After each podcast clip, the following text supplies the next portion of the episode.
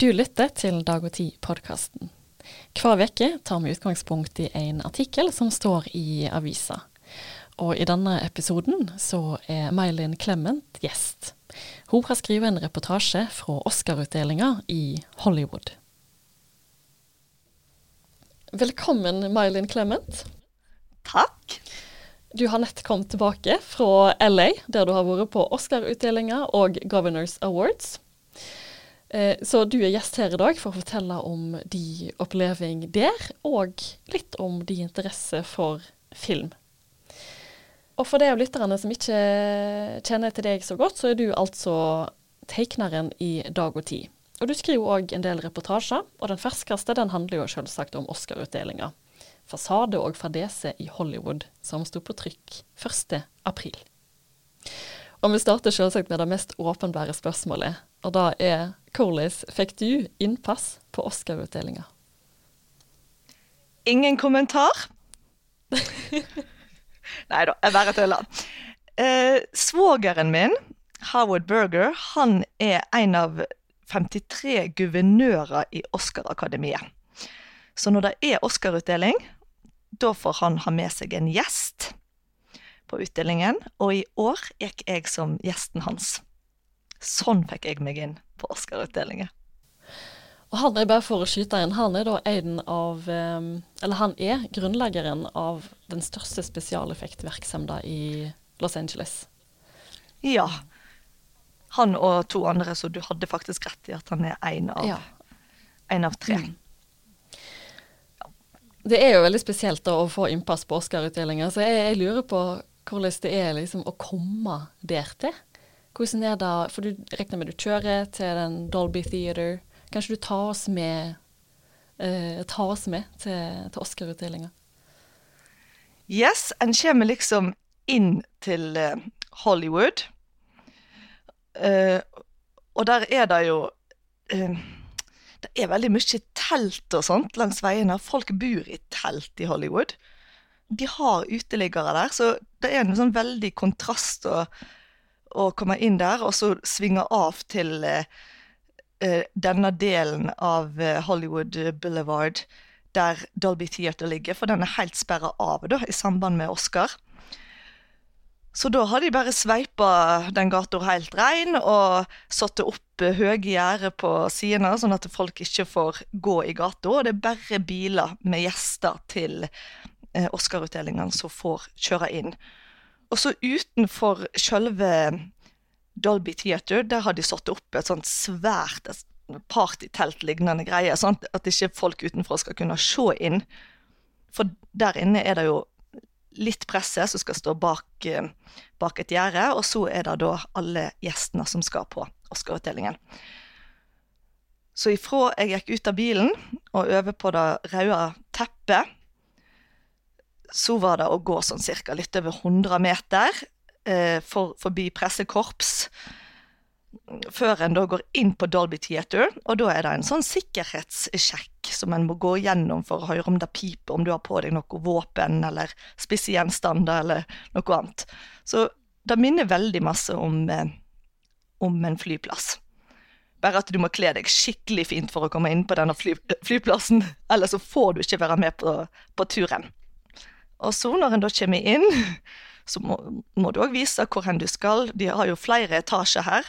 Folk sitter på, på ulike terminaler på Dolby Theater. Så jeg skulle da opp ei trapp, og da ser jeg jo etter baren, nett som når jeg skal ut og fly. Og her var den veldig enkel å finne, det var bare én ganske stor bar rett fram. Og så drikker en litt og eter litt, for da, da kommer ut eh, servitører med fingermat, så du kan bare Ja. Så fint. ete det. Ja, veldig fint. Og så, eh, når det er en halvtime igjen til eh, showet begynner, da er det sånn stemme over høyttalerne som minner deg på om at nå må du finne setet ditt, for nå begynner opptaket om en halvtime. Nett som på et fly. Og da er det å gå inn i selve teatersalen, som da er jo Det er et opptaksstudio med kjempemange publikumsplasser. Og du har en seksjon med rekke og setenummer, nett som når du skal på teater. Eller ut og fly. ja, Vi skal komme litt tilbake til liksom, hvordan det var å være i salen. Men du sier at du må, det som å være på en flyplass eller ute og reise, bare at du må kle deg veldig fint. Og, og, det er jo Jeg regner med at de fleste som skal gå på dette røde teppet, da, eh, og de fleste gjestene på Oscar-utdelingen, de er veldig opptatt av hva de skal ha på seg. Og vi så jo vår kjære Renate Reinsve i en nydelig Louis Vuitton-kjole. Og jeg har sett bilder av deg òg eh, på det røde teppet i en fantastisk fin grønn kjole.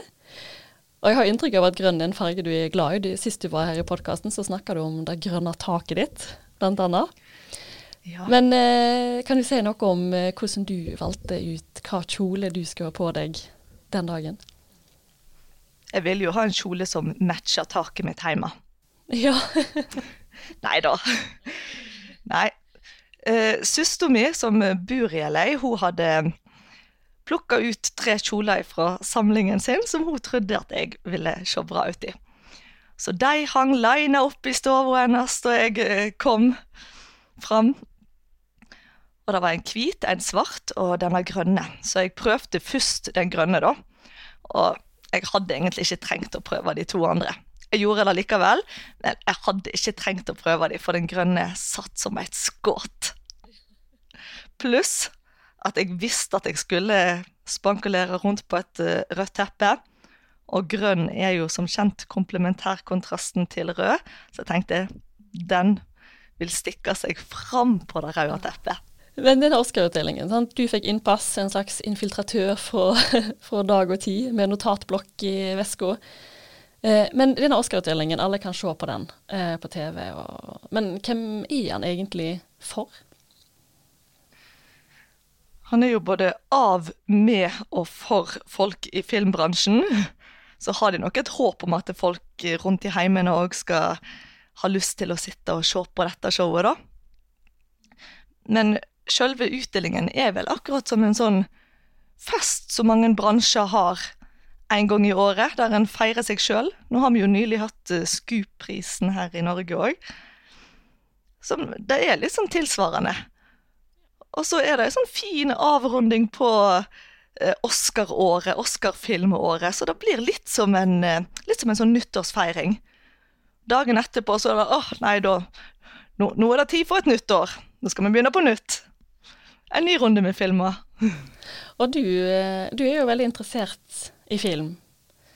Kan du si noe om hvor den interessen din kommer fra? Film var veldig viktig for meg da jeg vokste opp på 90-tallet. Det var eh, en stor del av livet mitt. Eh, vi hadde hjørnekiosk eh, i sentrum i Norheimsund, der vi leide film. Og vi hadde Kvam kino, som jeg nå i voksen alder. Jeg er så takknemlig for å ha vokst opp i ei bygd med en skikkelig god kino. Der så jeg den første kinofilmen min i livet, 'Kvitebjørn kong Valemon'. Og det var der jeg faktisk var på kino sist òg. Jeg prøver alltid å gå på kino når jeg er hjemme. Og når jeg reiser på ferie, enten rundt i Europa eller bare i Norge eller i USA òg, så prøver jeg å oppsøke filmhusene de har i de ulike byene. Hva film var det du så sist på kino, da? Spiderman. Ja. sånn er det jo dessverre blitt at uh, voksne folk går jo ikke på kino lenger for å se voksenfilmer. Voksne folk går på kino for å se barnefilmer. Og det er de filmene som tjener best på kino òg. Men du sa at uh, du, prøv, du, prøver å gå på kino i de ulike byene som du besøker. Mm. Er det et uh, kinoteater som du husker ekstra godt? Ja, skal vi se. Sist gang jeg var i LA, som var januar 2020, rett før pandemien, da var jeg på kinoen til Quentin Tarantino i Hollywood. Og alle kan gå der, kjøpe billett og gå der. Og da så jeg Once Upon a Time in Hollywood på hans kino i Hollywood, på hans private filmrull. Det var ganske kult. Ellers så er jo filmhuset i Bologna i Italia. Det er òg en nydelig fin plass å gå. Altså, en god film er aldri dårlig bruk av tid. Du sa at du setter pris på å vokse opp eh, på 90-tallet. Eh, var det noe eh, spesielt med på en måte film i det tiåret som fascinerte deg? Ja, det var iallfall ei tid da vi fikk oss VHS-spiller hjemme, og jeg tror de begynte å poppe rundt i de fleste heimene. Og da var det jo sånn at vi hadde ikke så veldig mange VHS-er. De vi hadde, så vi jo 200 ganger. Så det er noe med de filmene du har hatt på VHS. Men så var det òg det å leie film på hjørnekiosken i Norheimsund. Det var en veldig sånn stor ting som hørte, hørte helga til. De helt nye filmene de, de kosta 50 kroner å leie i en måned, og deretter søkte de over til 15 kroner. Så det kom jo litt an på hvor mye penger du hadde, og sånt, hva, hva filmer du kunne se.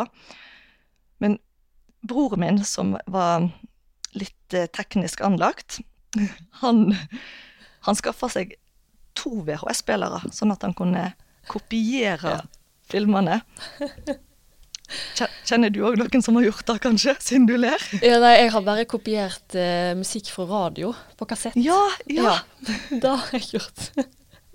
Ja, og det er jo sikkert ikke ulovlig, da, i samme grad som å piratkopiere VHS-er.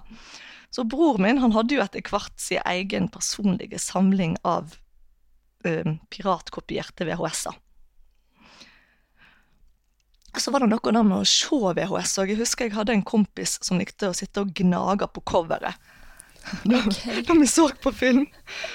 Og det var ikke så populært hos søsknene mine når han hadde vært og sett på film, og det var sånn Bitemerke. bitemerke i coveret. De ville at eh, VHS-ene skulle se fine ut. Pluss det er, det er seks år da, mellom eh, søsteren min og meg, og så er det ett år mellom hun og bror min. Så det, det var et sånt eh, aldersspenn der imellom oss. Men filmen det var sånn som knytter oss litt sammen.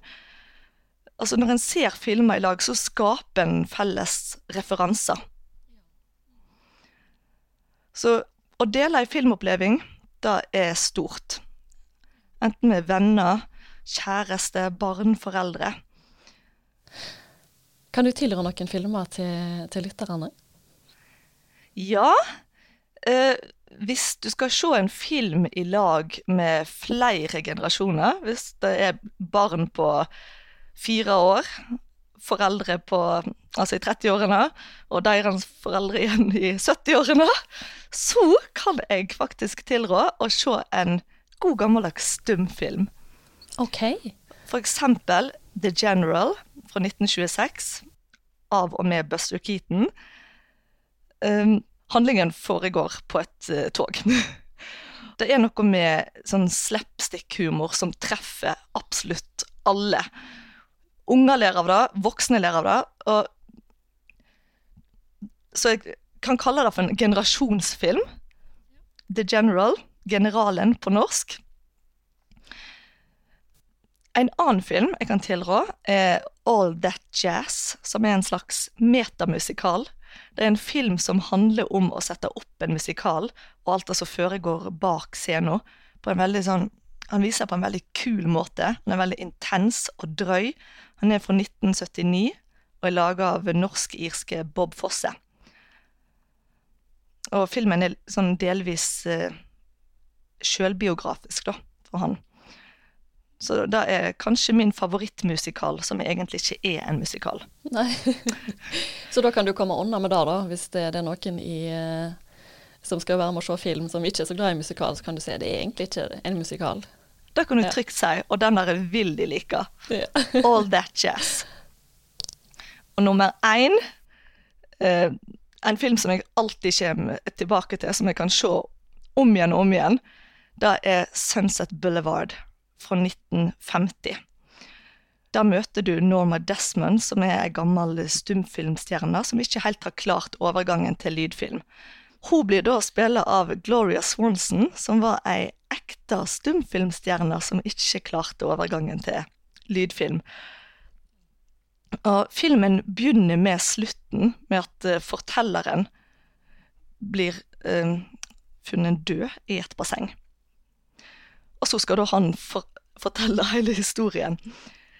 Og det er en film som er rik på så ufattelig mange lag. Det er Hollywood som ser på seg sjøl. Det er en blanding av grøss, noir, drama, thriller. Det er en utrolig god film. Av Billy Wilder. Det er jo Du har jo lagt fram nå tre, tre gode filmer. Men vi har jo Altså, vi blir jo overlassa av disse strømmetjenestene via Play Netflix, HBO, Disney pluss, eh, masse filmer på NRK osv. osv. Eh, hvor er det du finner inspirasjon til nye filmer? Eller altså ikke nødvendigvis nylaga filmer, men filmer du ikke har sett før? Eh, det er jo mange ulike mm, rangeringssider på nett. Eh, det er annet en eh, filmmelder som heter Roger Ebert, som har ei egen liste over hans great movies. Og den kan jeg tilrå. Og så er det jo òg ei bok som er blitt til en app, som heter 1001 filmer du må se før du dør. Og den blir jo hele tida oppdatert med nye filmer. I appen, da. Eller så er det ei strømmetjeneste som heter Mubi, som er for litt mindre tilgjengelige filmer. Og så er jeg jo fan av Filmoteket, som er bibliotekets filmtjeneste. Eller så Altså, en kan jo gå inn på IMDb for å finne ulike lister der over um, verdens beste filmer. Men det er jo greit å finne en slags avgrensing først. Hva, hva, er det du vil se? Og så kan du prøve å finne de beste filmene innenfor den sjangeren eller produsenten eller årstallet vi har jo hatt et sånt uh, prosjekt hjemme, da. Der vi, altså I stedet for at vi setter oss ned en kveld og begynner å diskutere hva slags film skal vi se nå, og så går det en halvtime i å finne en film, og så bare blir det et eller annet som algoritmene har bestemt for oss, så har vi planlagt litt på forhånd hva vi skal se. Og da må vi sette ei ramme liksom, rundt prosjektet. da. Så i fjor så hadde vi en sånn filmleik der vi skulle se tre filmer fra hvert tiår. Fra 2020-tallet og tilbake til 1910-tallet. Og så gikk vi da opp igjen etterpå. Så det blei vel noe 60 filmer på den filmleiken. Og da sprer vi det utover et år. Og det var veldig greit, for det er ikke alltid så lett å bare hoppe inn på 30-tallet og se en film derifra med dagens øyne. Men hvis du følger liksom uh, reisa ned gjennom, da er det litt enklere å se fra 30-tallet. Ja. Eh, vi skal gå tilbake til Oscar-utdelinga og den Governors Award som du òg var på. Eh, så tenker jeg du må jo ha noen skuespillere òg som du har sett ekstra stor pris på. Fikk du sjansen til å se eller møte noen av, av deg på, mens du var i LA? Ja, vet du hva, på Governors Awards der møtte jeg jo faktisk Liv Ullmann. Norske Liv Ullmann. Og hun ser jeg virkelig opp til. Den, den store stjerna vår. Så det syns jeg var, var, stort. Og med hun så var jo faktisk Anne Grosvold og Kari Simonsen. Når jeg ser Kari Simonsen fra Vertshuset Den gylne hale, da, kjente jeg at jeg, jeg blir litt uh, starstruck, altså. Jeg hadde jo lyst til å spørre henne har du sett uh, Juletrefoten på, med tegnspråk, men jeg hadde allerede et glass med champagne i hånda, så jeg bare heva det og sa skål ja. gjennom luftet til dem. Og vet du, både Anne Grosvold og Kari Simonsen skåla med meg. Gjennom luftet. Når du var eh, i LA på din Oscar-utdeling av Governors Awards, eh, var det noe som overraska deg? Ja, på selve Oscar-utdelingen så ble jeg litt overraska over at folk sitter med telefonene sine. I salen? Tenker, I salen, og at de sitter og tar bilde av, eh, av det som foregår oppe på scenen. Og da, altså, jeg er så lett eh, påvirkelig òg. At når andre folk gjør det, så, så vil jo jeg òg gjøre det. Men det hadde jeg trodd var, var ulovlig, faktisk. For jeg har vært på så mange plasser nå der det ikke er lov å ta bilder og filme. Og jeg syns at det da er helt rett. Og når en er i en teatersal, så skal en ikke holde på å ta bilde. Og når en er på kino, når en ser en film, så skal en ikke sitte med en telefon. En film, eller et, eh, teaterstykke for, eh, for den del, det, det har ingen verdi om ikke seeren er engasjert. Det krever noe av deg som publikummer òg, for å få ei god opplevelse. Nå er jo ikke Oscar-utdelingen eh, en film. Det, det, er jo noe som blir filma for å gå direkte på fjernsyn. Men likevel, så Det, det overrasker meg litt at en sitter der med telefoner. Mange, Vi ser jo på Oscar som veldig glamorøst. Altså, det er jo mange stjerner der eh, av filmskapere. Men eh, var, det litt, var det litt kjedelig?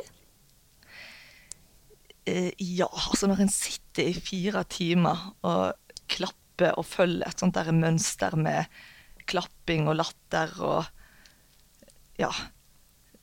Det er litt kjedelig ja. i lengden. Og jeg ble jo veldig sulten og veldig trøtt ja. mot slutten der. Mm det som de fleste nå har fått med seg, vil jeg tro, eh, det var jo at det var litt eh, Det skjedde en litt overraskende ting eh, på Oscar-utdelinga når eh, Chris Rock skulle dele ut eh, pris. Det endte opp med at eh, Will Smith klaska til han på scenen. Og du som var i salen, du satt der som publikum. Kan du, kan du beskrive stemningen i salen da? Ja, det ble veldig stille akkurat da det skjedde i salen. Det var ingen som ropte og hoia eller protesterte da. Det, det, var akkurat som at det gikk en sånn frysning sånn Ja. Og så gikk jo showet videre da etterpå. Så jeg satt ikke med følelsen av at dette her var et jordskjelv som skal spre seg utover hele verden og bare pepre alle nettaviser de neste dagene. Jeg gjorde jo ikke det. Men det var jo det som skjedde. Det var det som skjedde, ja. ja. Det er jo en spesiell sjanger, dette her, å, dele ut pris. Det er jo ofte skuespillere som, som gjør det. og I dette forrige tilfellet var det jo en eh, komiker. Er det en sånn utdeling som du husker spesielt godt? Ja, det er det. Men eh, jeg kan jo først si at det er jo en lang tradisjon i eh, Oscar-utdelinga at komikere deler ut priser og at de på en måte roaster litt disse veldig kjente skuespillerne som sitter helt fremst i salen. De drar de litt ned. Så, så det, var, det, det, er jo ikke noe nytt at Chris Rock gjør det. Og så når det gjelder ei utdeling som jeg husker spesielt godt, for at jeg har sett den flere ganger på YouTube, så må det være da Liv Ullmann og Roger Moore skulle dele ut Oscar til Marlon Brando for Gudfaren i 1973. For da sendte jo Brando en eh, fra det amerikanske urfolket for å ta imot prisen. Han møtte ikke opp sjøl. Og det er jo et sånt uh, politisk utsegn utsagn fra han, da. Med dette så eh, ville Brando kommunisere ut at urfolket var blitt framstilt både feil og ensidig i filmer. Um, da, helt til slutt, så lurer jeg på, for du peker på noen tall i reportasjen din med tanke på TV-seere. Det største antall TV-seere var på over 50 millioner, og i fjor så var det det aller dårligste, med ca. litt over 9 millioner TV-seere. Har du gjort deg noen tanker om hvorfor Oscar blir mindre og mindre populært? Ja, jeg tror ikke Oscar er like viktig lenger.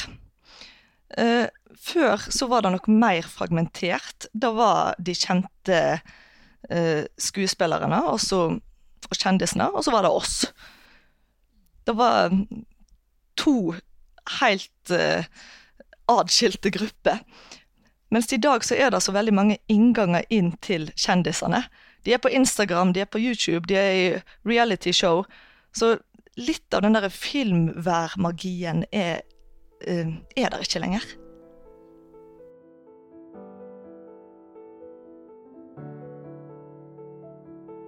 Du lytter til Dag og Tid-podkasten.